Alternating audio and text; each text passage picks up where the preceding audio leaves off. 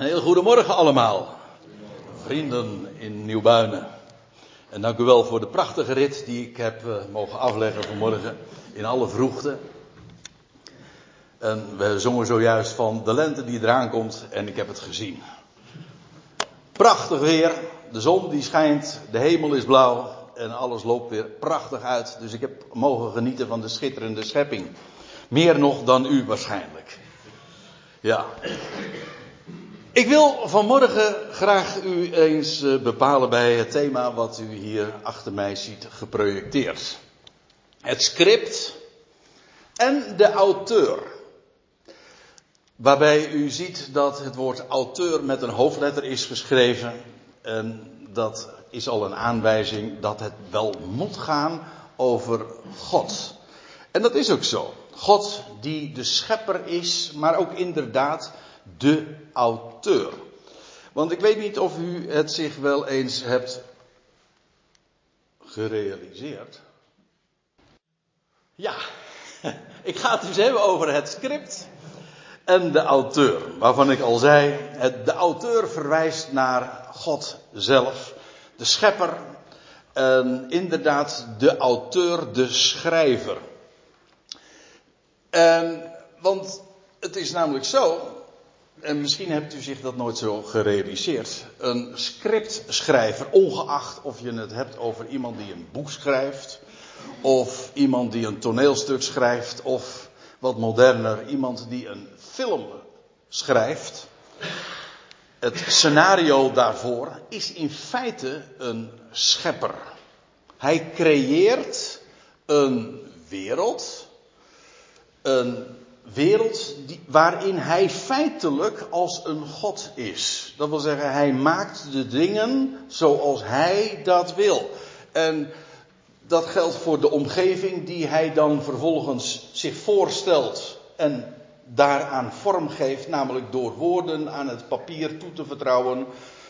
En hij maakt de tijd, dat wil zeggen, hij plaatst het verhaal wat hij optekent in een specifieke tijd die hij dan schildert. Hij maakt de personages, de karakters en bovenal natuurlijk het verhaal zelf.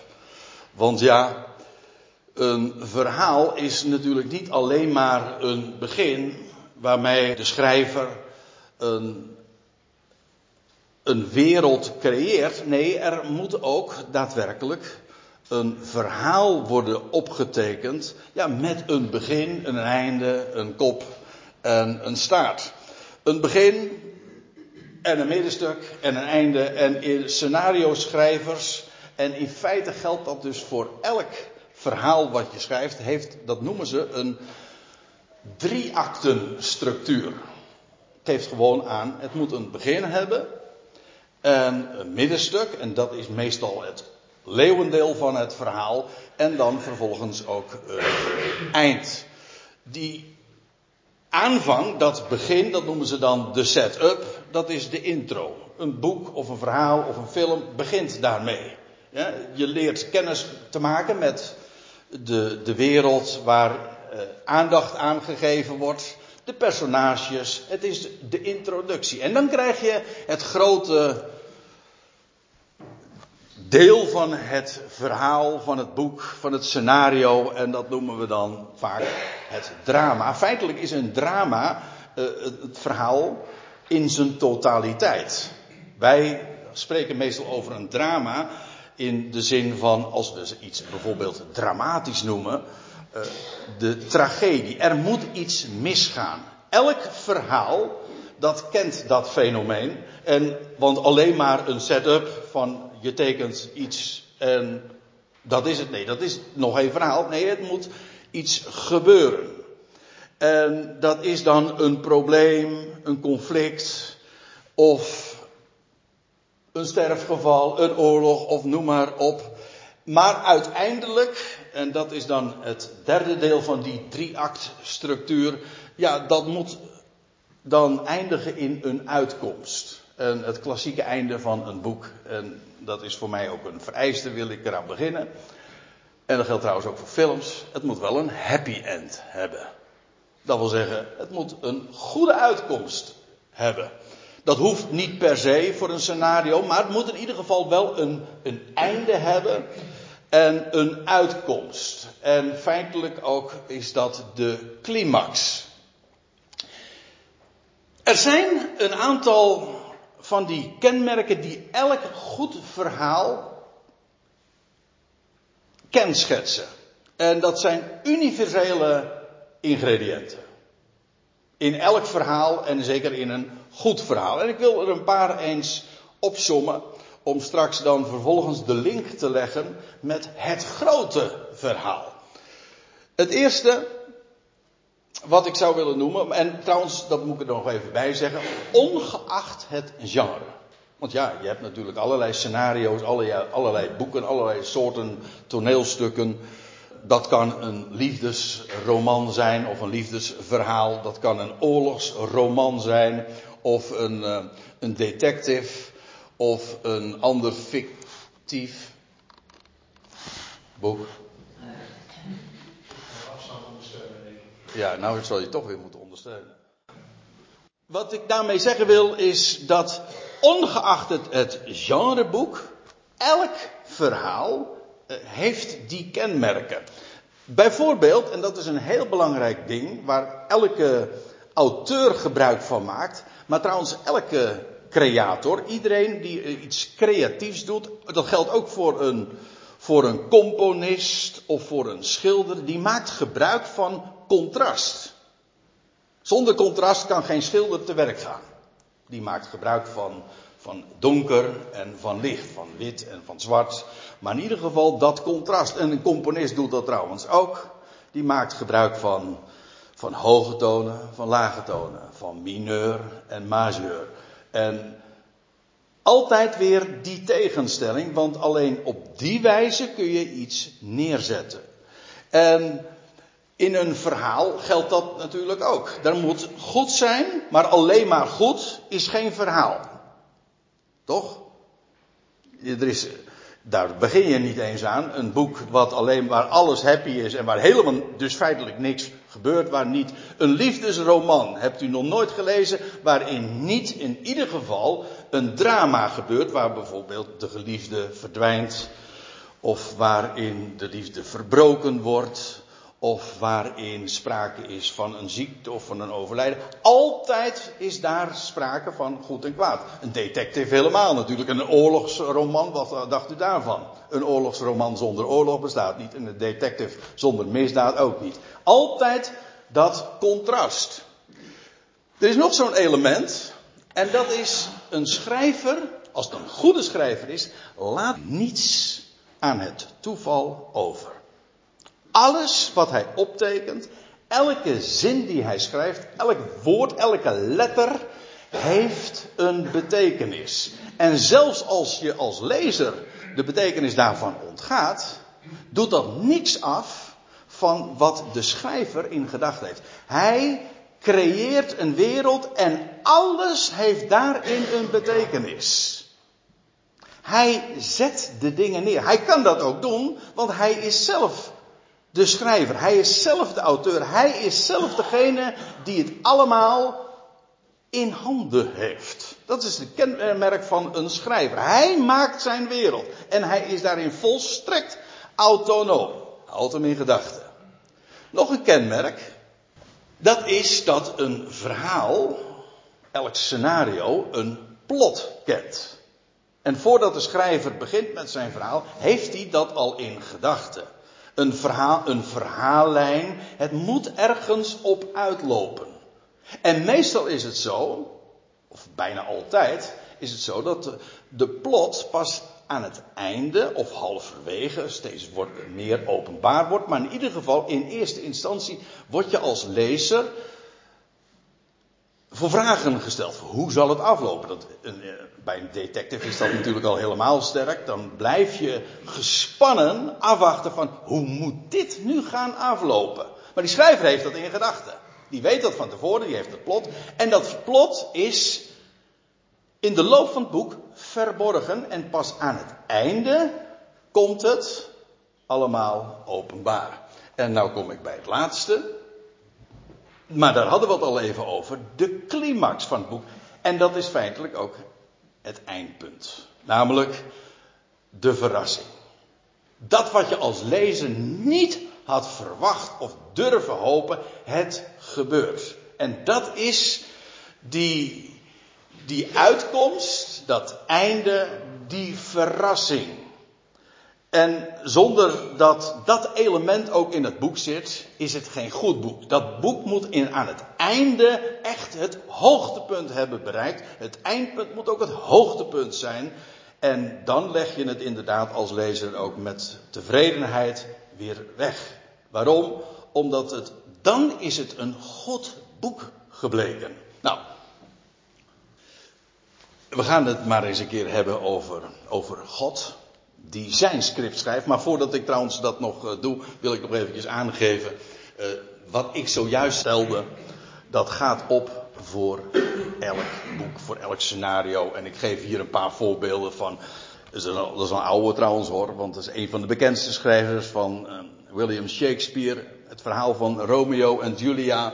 Of je neemt een kinderfilm als The Lion King of Sophie's Choice.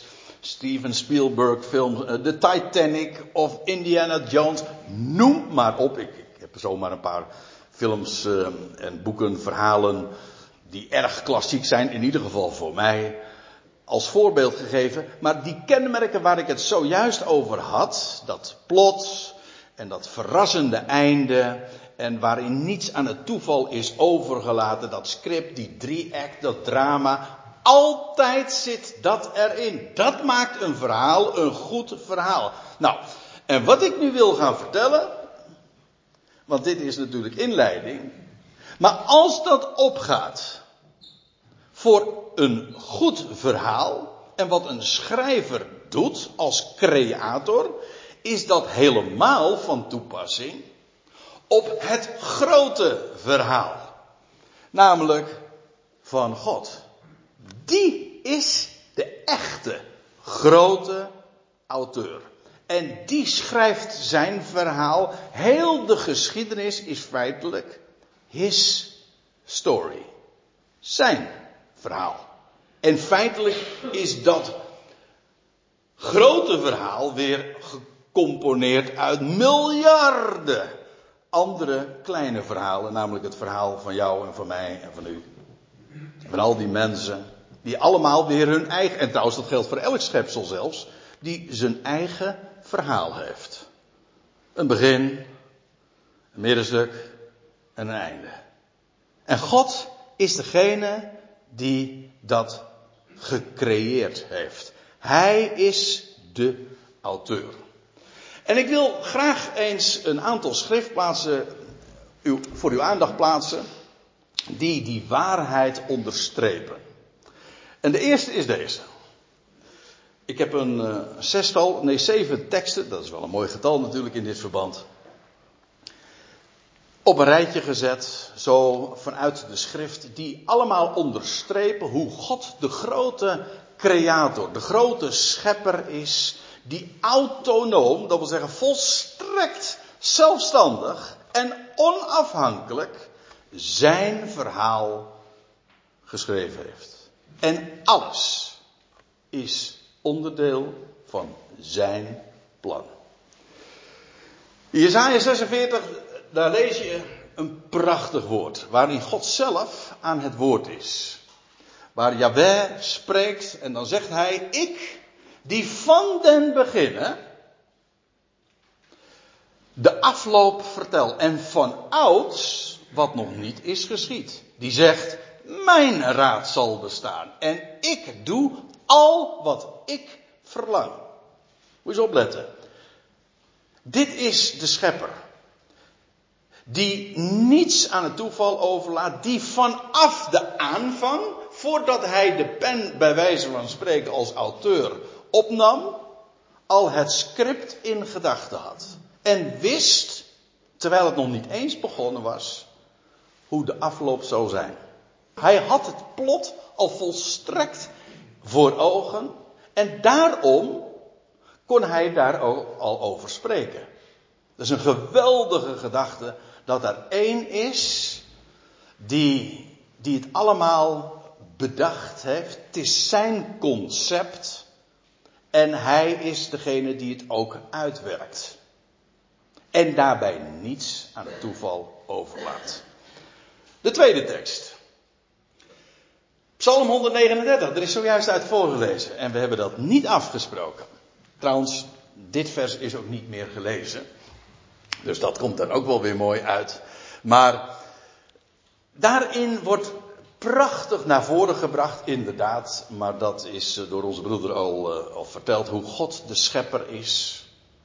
En al ons allemaal als al in de moederschoot gevormd heeft. En hoe bij de aanvang twee onogelijke zelletjes bij elkaar komen en in veertig weken tijd een mens formeren. Het is een volstrekt godswonder. Je zou zeggen, dit kan helemaal niet, maar het gebeurt. We zitten hier allemaal en dit is ons verhaal. Ons persoonlijk verhaal. Zo is het allemaal ooit begonnen. En, en wie is degene die dat allemaal zo bedacht en gemaakt heeft? Hoop tenminste niet dat u zo dwaas bent om te denken dat het allemaal zo stom toevallig is ontstaan. Dat is dwaas. Dat is bizar. Zo geweldig design en ontwerp als alles verraadt. Er staat in Psalm 139, vers 16: Uw ogen, zegt de psalmist David, uw ogen zagen mijn ongevormd, of in de MBG-vertaling staat mijn vormeloos begin. Toen ik nog niet gevormd was, zagen uw ogen mij reeds. En in uw boekrol, en daarom haal ik het ook aan, omdat hier ook God wordt neergezet, beschreven wordt door David als auteur. In uw boekrol werden zij alle opgeschreven. Wat dan? Wel, de dagen. Ze werden geformeerd toen nog niet één daarvan was. Hé, hey, maar dat is mooi. God is de schrijver van het script. Niet alleen maar van het grote geheel, van heel de schepping. Maar daarmee dus ook, logischerwijs, van mijn verhaal en van jouw verhaal. En hij heeft het script van ons leven in de hand. En dat, dat schrijven wij zelf niet.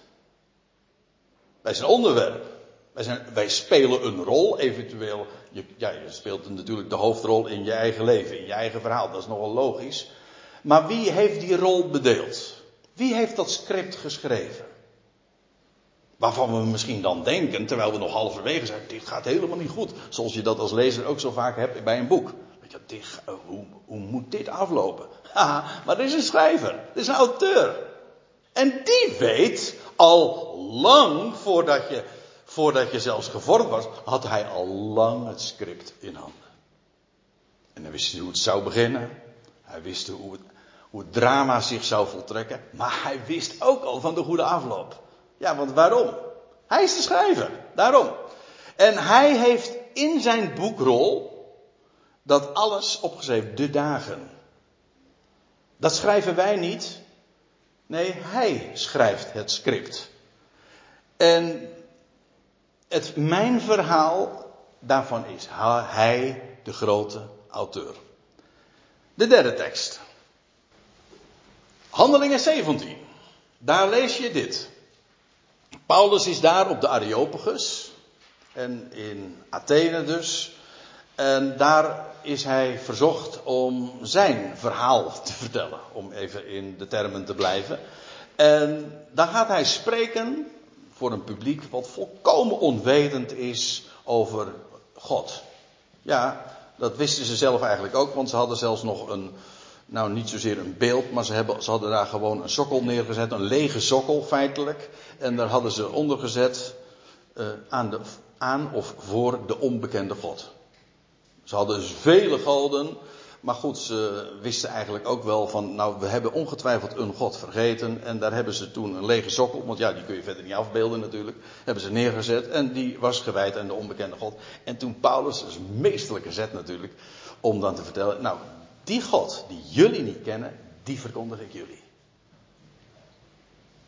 En die onbekende God, Dat is nu juist degene die hemel en aarde geformeerd heeft. Hij vertelt er allemaal dingen die voor hen volkomen onbekend waren. Zij hadden vele goden. Ja, maar als je vele goden hebt, dan ken je God dus niet. Want het punt is nu juist dat je God alleen kent als je weet dat er maar één is. Er is maar één God met allemaal hoofdletters. Die echt dus de auteur is die alles gemaakt heeft. Maar ik bedoel dan ook echt alles geschreven heeft.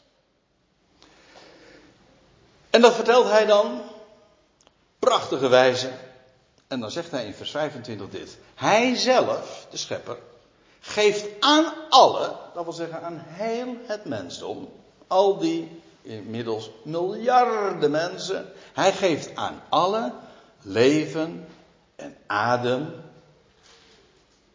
Ik bedoel, hij vormde ons, zo lazen we het zojuist in Psalm 139. Hij vormde ons, jawel. En na 40 weken, ja, toen begonnen we te ademen. Na 40 begint het leven, toch, zeggen we dan.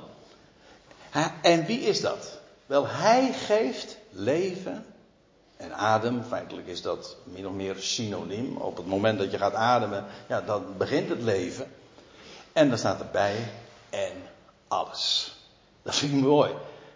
Ja, dat is nogal logisch. Als hij de schepper is, ja, dan geeft hij dus alles wat wij hebben. We zingen dat ook in zijn opwekkingsliedje. En ja, dat is zo'n voor, voor de hand liggende waarheid. Alles wat ik heb, dat heb ik van mijn vader. Alles wat ik ben, dat ben ik door mijn Heer. Ja, waarom? Nou, ik heb mijzelf niet gemaakt. Wie je ook bent, maar niemand heeft zichzelf gemaakt. Er is maar één schepper. En hij is mijn formeerder. Hij is mijn creator, hij heeft mij bedacht, ook de ontwerper, de designer. Of degene die het, het script, het plot in handen had, om het eventjes in auteurstermen dan te blijven zeggen. Ja, en vervolgens gaat hij schrijven, polijsten. Ja, dat zijn allemaal van die creatieve termen die ik nu gebruik. Hij formeert de dagen. Het, het, de, de geschiedenis rolt zich af. En wij weten inmiddels natuurlijk, ja, dat is een kenmerk van het verleden. Dat, dat kennen wij. En de toekomst, ja, dat is volkomen onbekend. Ja, voor ons, maar voor God niet. Dat is trouwens ook een geweldig, dat is ook een geweldig ontwerp. Uh, dat aan God zelf weer heeft bedacht. Namelijk dat de toekomst voor ons een volkomen blank terrein is. Ja, tenzij hij daarover gesproken heeft, maar we, we kennen dat niet. Het, voor, wij zeggen het verleden, dat staat vast, dat kun je niet meer veranderen. Maar weet je, ik zal je nog eens wat anders vertellen. De toekomst staat net zo vast als het verleden, weet je dat? Ja, want hij heeft het script. De toekomst ligt net zo vast als het verleden. Het verschil is, het verleden kennen wij, de toekomst nog niet. Maar het ligt beide vast. Hij is de auteur. Hij is de schrijver. Hij heeft het script. Hij geeft alles. Er is niets wat ik heb, of bedenk, of kan, zonder dat Hij mij daartoe in staat gesteld heeft. Hij is de schepper. De volgende tekst, nummer 4. Jezaja 45. Dat is ook zo'n prachtige. Jezaja is in het algemeen geweldige profeet die op een uitnemende wijze de godheid van God schildert. Ja, schilder, dat is ook heel creatief. Die dat op een prachtige wijze beschrijft hoe God werkelijk God is. Het woord God betekent plaatser eigenlijk. Degene die alles een plek geeft. En we hadden het erover dat een schrijver altijd gebruik maakt, zoals elke creator, elke creatieve bezigheid maakt gebruik van contrast. Wel, dat is God ook. Een schrijver doet dat en die maakt, die zet iets neer, maar hij maakt gebruik altijd van drama. Goed en kwaad. Nou, de grote schrijver, het grote verhaal, his story, is ook zo'n typisch voorbeeld van hoe hij contrast inzet. Er staat daar, dit in Jezaja 45. Opdat men het weten. Dat wil zeggen, iedereen zou ervan op de hoogte zijn. Van waar de zon opgaat in het oosten en waar zij ondergaat in het westen. Daar wonen wij dan. Hè? Nou ja, het is een beetje moeilijk om dat nou te zeggen als katwijker in Nieuwbuinen natuurlijk. Want ik ben net van west naar oost gegaan. Maar ja, hè, het hangt er vanaf hoe je het bekijkt. Opdat men het weten van waar de zon opgaat en waar zij ondergaat. Dat er buiten mij niemand is. Hé, hey, daar heb je weer. Die auteur die volstrekt autonoom te werk gaat. Buiten mij is er niemand. Ik ben Yahweh en niemand meer. Formeerder van het licht. Maar let op. En schepper van de duisternis. Die vrede maakt. En kwaad schept. Ik, Yahweh, doe al deze dingen. Ziet u hoe God ook gebruik maakt van contrast? Sterker nog, dat is noodzakelijk in zijn script. God is een goede God, jawel, maar hij schept ook het kwade. Dat hij gebruikt, nodig heeft. Waarom? Om juist zijn goedheid te bewijzen. God krijgt niet de schuld van het kwaad. Hij krijgt de eer van het kwaad. Waarom? Het kwaad is in goede handen. Hij gebruikt het. Hij brengt het in. Hij zet het in. Omdat hij er iets mee gaat maken. Zoals een auteur daar iets mee gaat doen. Waarom? Hij heeft het nodig. Zonder dat kwaad, zonder de duisternis, kan je geen goed verhaal maken. Hij is de auteur. Als dat al voor mensen geldt, dan zeker ook voor God. En hier staat het. Gewoon zwart op wit. God zegt het zelfs hoogst persoonlijk. Hij verklaart het. Het is in de eerste persoon. Ik ben Yahweh. Niemand meer die de schepper is van de duisternis, die het vrede maakt en kwaad schept. Ik, Yahweh, doe al deze dingen. Hij ontvangt daarvoor alle glorie. Hij is degene die het kwaad inzet en daarbij ook niets aan het toeval overlaat. De volgende tekst. Die dat ook prachtig naar voren brengt. Ook weer dat contrast, maar daarbij ook alles gebruikt en ook alles zodanig inzet dat niets daarbij aan het toeval is overgelaten. Dat wil zeggen, die met alles een bedoeling heeft. Bedenk dat.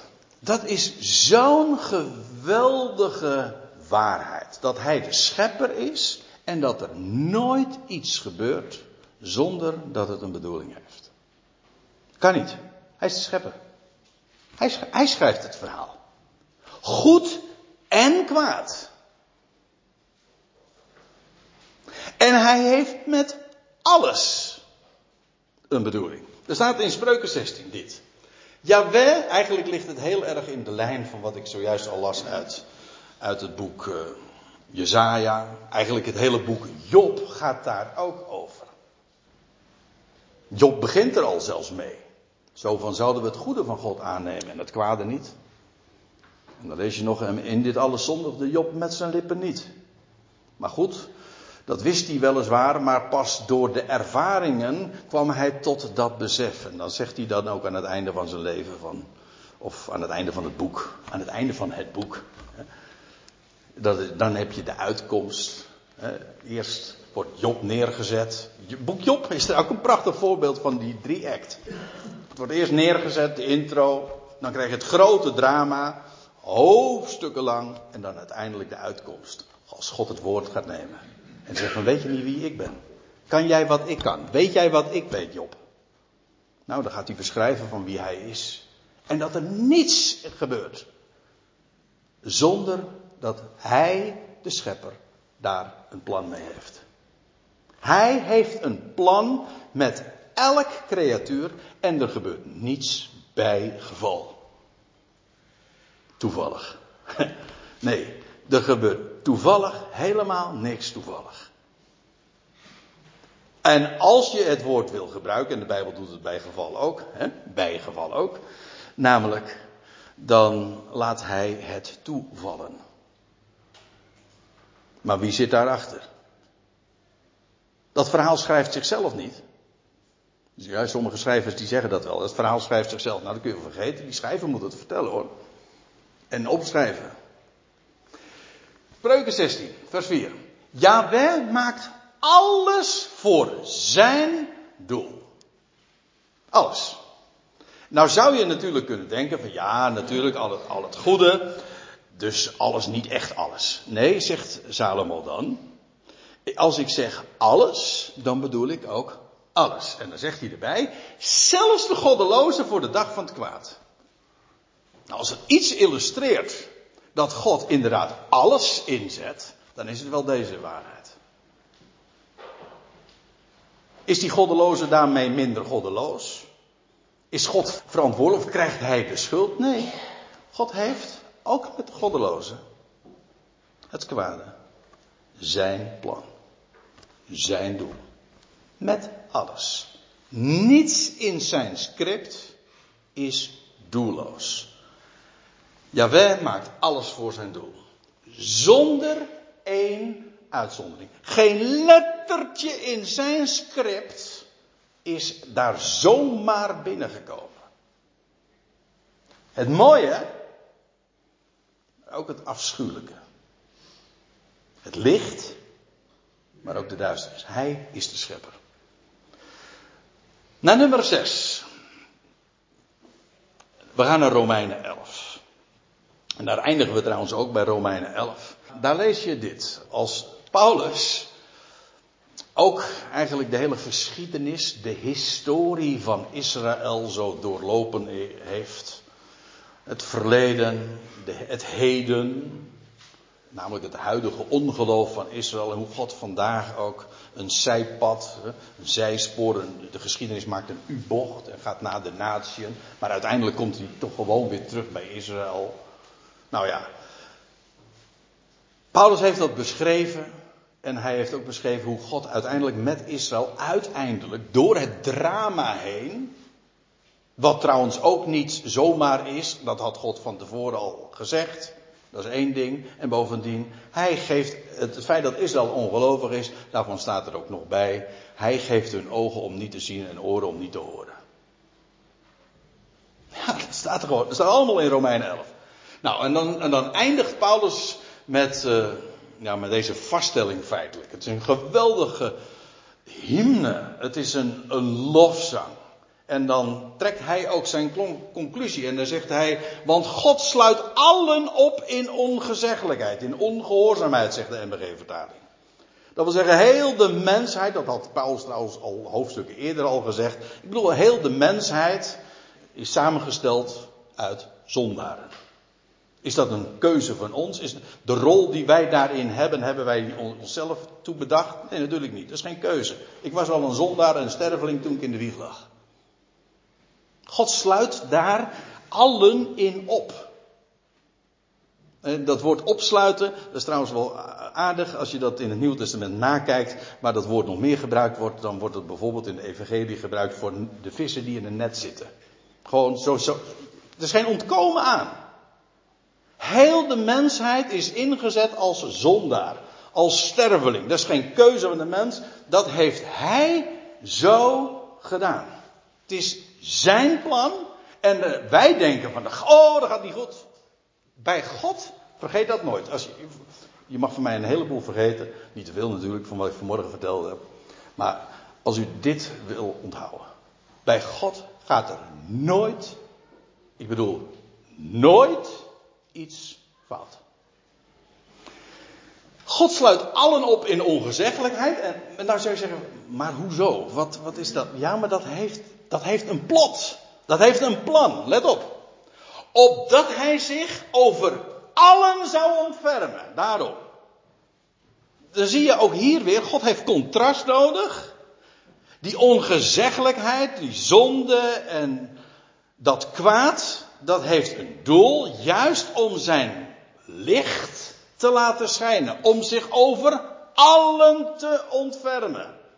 En zo onontkoombaar als het eerste is, zo onontkoombaar is ook dat tweede.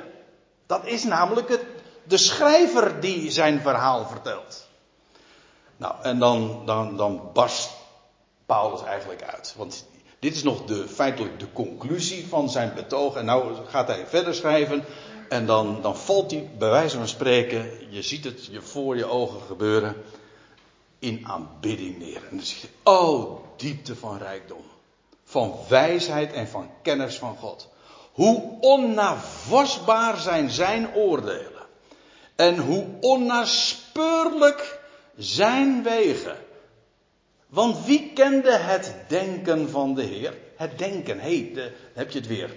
Eh, zoals dat er staat. ja, ik doe het maar even zo. Het denken. Namelijk die, het of de verborgen plot. Ik weet nog steeds niet of het een de of een het woord is. Maar goed, ik denk van beide. Het plot. Ja, wie, wie had dat gedacht? Terwijl je halverwege de geschiedenis bent. Als, kijk, we zeggen dat ook van een, een gedicht. Hè? Het rijmt aan het eind. Dat rijmt ook. Hm?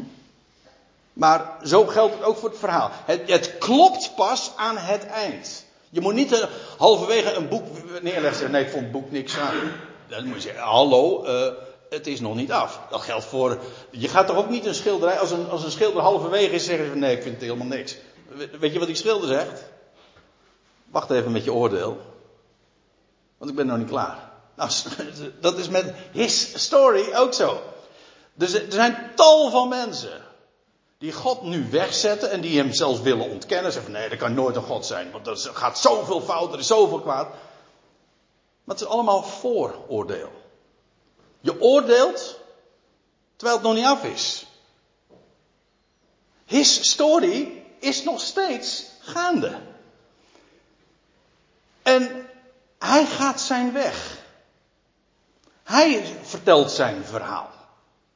En wij als, ja, je leest dus in feite ook, eh, wij lezen ook het boek van de geschiedenis van zijn, en, en, en je bent nog halverwege en je denkt van, hoe gaat dit goed komen?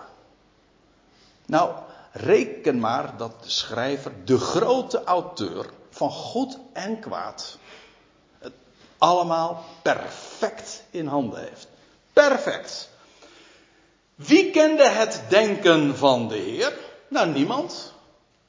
Want hij had namelijk voordat hij de geschiedenis begon, al lang de afloop in gedachten. En het plot. En de hele verhaallijn. En de, de, de drie akten, om zo te zeggen. En dan staat erbij, of wie werd zijn adviseur?